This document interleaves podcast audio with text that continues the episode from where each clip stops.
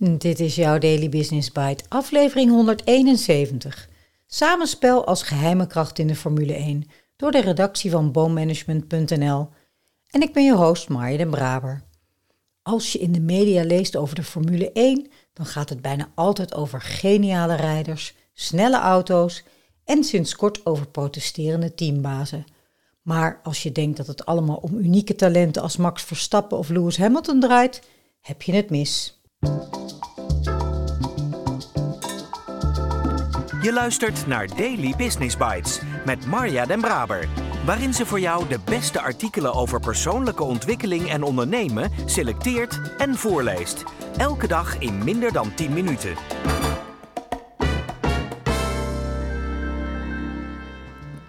Veel belangrijker zijn de teams die achter de coureur staan.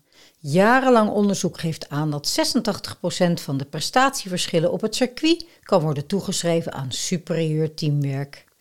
Begin volgend jaar verschijnt het boek Teaming, de nieuwe realiteit van samenwerken, van auteurs Hans van der Loo en Patrick Davidson. Voor dat boek deden zij maandenlang onderzoek naar de werkwijze van Red Bull Racing, het team achter Max Verstappen. Samenwerken in het autoracen roept al snel het beeld op van de pitstop. De snelheid waarmee tijdens een pitstop wordt gehandeld heeft iets buitenaards. Op het moment dat de coureur de pitstraat inrijdt om banden te verwisselen en eventuele reparaties uit te voeren, zie je een hele groep monteurs vliegensvlug naar buiten snellen en hun positie innemen. Met ronkende motoren komt de auto plotseling tot stilstand. In luttele seconden het team van Max Verstappen heeft het record met 1,88 seconden in handen, worden vier banden verwisseld, waarna de auto weer met brullende motoren wegschiet. Een magisch moment. Of, zoals oud-manager bij Red Bull Racing Mark Gallagher ons nuchter vertelde, dit is tegenwoordig gewoon teamwork door 22 mensen die 36 handelingen verrichten onder hoge druk. Allemaal bedacht in samenspraak met een choreograaf. En als het helemaal naadloos is verlopen, geven de monteurs elkaar een high five en richten ze zich op hun volgende taak. Hoezeer een pitstop ook tot de verbeelding spreekt, het is niet meer dan een klein radartje in de hele machinerie van een raceteam. Eigenlijk kunnen we beter van een team of team spreken, want in feite gaat het om een kluwe van meer dan duizend in verschillende teams met elkaar samenwerkende professionals. Waar die mee bezig zijn, met het ontwerpen en bouwen van raceauto's, waarmee Red Bull Racing wereldtitels kan veroveren.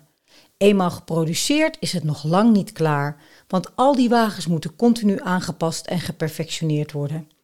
Elke raceauto is een rijdend prototype. Het gesleutel achter de schermen is nooit af, zegt Gallagher met een glimlach.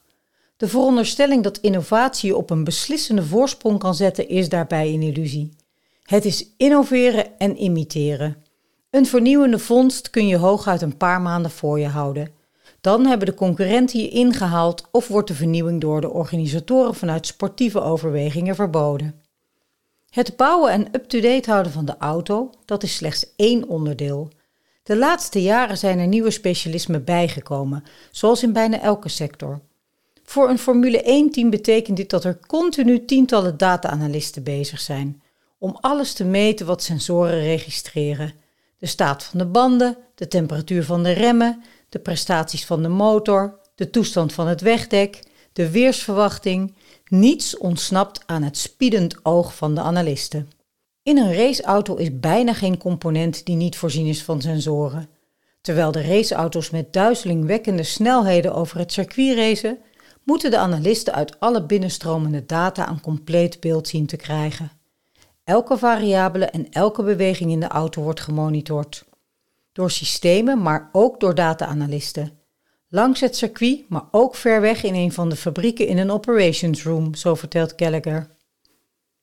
Rekenwerk is in de Formule 1 minstens zo belangrijk als een technisch perfecte auto, brandstof en brandwerende pakken. Omdat de coureurs steeds meer aan elkaar gewaagd zijn, kunnen de kleinste verschillen grote effecten hebben. Zoals de beslissing van Red Bull Racing, het team achter Max Verstappen, om een bandenwissel door te voeren toen de race van afgelopen zondag vanwege een ongeluk tijdelijk was geneutraliseerd. Het bleek een geniale zet te zijn, gebaseerd op rekenwerk, maar vooral ook lef en hoop. En om klaar te zijn voor een wonder, mocht het kwartje alsnog de goede kant opvallen. Racen is spelen met spanningen, zegt voormalig Red Bull Racing-coureur Robert Doornbos wanneer we hem interviewen. Wij hebben hem gevraagd om ons mee te nemen in de teaminspanningen tijdens een willekeurige raceweekend. Daarbij kunnen drie onderdelen worden onderscheiden: de voorbereiding, de race en het naspel. Voorbereiding, van training tot kwalificatie. De kwalificatie, meestal op zaterdag, zo'n 24 uur voor de zondagse Grand Prix, is eigenlijk niet meer dan een race van de coureurs tegen zichzelf. Wie de snelste ronde rijdt, mag vooraan beginnen, een strategisch voordeel. De concurrenten zijn niet meer dan seconden op het matrixbord. De teams willen hun coureurs en hun bolides zo kort mogelijk op de baan hebben om bandenslijntage, temperatuurschommelingen in de apparatuur en eventuele ongelukken tot een minimum te beperken. Alles draait om de rondetijden. Ook hier blijkt weer, de teams doen met die beslissingen een allesbepalende duit in het zakje. Normaliter begint dat met enkele vrije trainingen op vrijdag, waarin elk team de ideale afstelling zoekt voor dat circuit, zegt Doornbos. Het gaat niet vanzelf goed, dat moet je slim organiseren. Je zoekt namelijk in korte tijd en onder hoge druk naar een winnend compromis. Dat betekent een continu proces van omgaan met tegenstellingen. Het gaat dus om functionele spanning. Wat in de weken hiervoor is uitgedokterd door teams, wordt nu getoetst op de baan.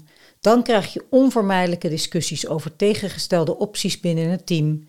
Een wijziging op één plek in de raceauto werkt op heel veel plekken door. Door eventuele wijzigingen te bespreken en uit te proberen, ontdekken de teams of de auto ook daadwerkelijk sneller wordt op het circuit. Als je er bijvoorbeeld in slaagt om de motor harder te laten lopen, betekent dat een extra belasting voor de remmen. Waar de optimale balans zit, is een kwestie van het overbruggen van tegenstelling. Teams die dit goed beheersen, rijden vooraan. De race. Je zou zeggen dat het op de dag van de race wel gedaan is met alle aanpassingen, maar dat is niet zo. Voortdurend veranderende omstandigheden, denk aan weercondities, posities in de race, strategische overwegingen, toestand van de auto en of de baan, leiden tot steeds weer nieuwe inzichten en steeds weer andere moves. Behalve de circa 60 medewerkers die de monitors langs de baan nauwlettend in de gaten houden, worden duizenden kilometers verderop in de fabriek verschillende scenario's doorgerekend. Continu en steeds weer inspelend op nieuwe situaties, bedreigingen en mogelijkheden. Wordt een coureur niet stapelgek van al die binnenstromende informatie? Nee, want alles wordt gefilterd door de race engineer, die als linking pin met de coureur fungeert. En ook al zetten de teams steeds meer in op big data en algoritmes, het is toch echt het samenspel dat het verschil maakt bij Red Bull Racing. Daily Business Bites met Marja Den Braber. Je luisterde naar Samenspel als geheime kracht in de Formule 1 door de redactie van boommanagement.nl. Nou, het boek Teaming van Hans en Patrick is inmiddels beschikbaar en staat in mijn kast. Als je praktische inzichten wilt, voorbeelden en oefeningen, is het echt een aanbeveling. En het voorbeeld van de Formule 1 race mag dan tot de verbeelding spreken, maar voor mij geldt dat zeker niet. Deze hele sport of industrie of wat het ook is, vind ik persoonlijk eigenlijk niet meer kunnen. Maar als ik het als metafoor gebruik hoe dit binnen teams en bedrijven, die zich met iets duurzamer zaken bezighouden, in te zetten, dan kan ik er van alles mee. Want zeg nou zelf, professionals helemaal inzetten op hun expertise, geoliede processen, high-fivende teams zien werken, dat is toch echt tof? 22 mensen, 36 handelingen, 1,88 seconden. En ook de vele teamrituelen die voor en tijdens een race bij Red Bull zijn ontstaan, luister ook naar aflevering 152, vind ik echt inspirerend. Dus de grote vraag is uiteraard: wat ga jij hiermee voor jouw team of bedrijf doen? Welke magische momenten kun je creëren? Welk prototype ga jij ontwerpen of in de markt zetten? Hoe ga jij discussies uitlokken tussen die professionals en laten leiden tot onwijs goede besluiten? Welke data ga je verzamelen die richting geven? Bij mij ontstaan wel al wat plannetjes. Ik spreek je graag morgen weer.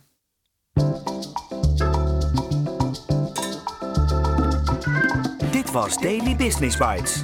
Wil je vaker voorgelezen worden? Abonneer je dan op de podcast in je favoriete podcast-app. Meer weten? Klik op de links in de show notes.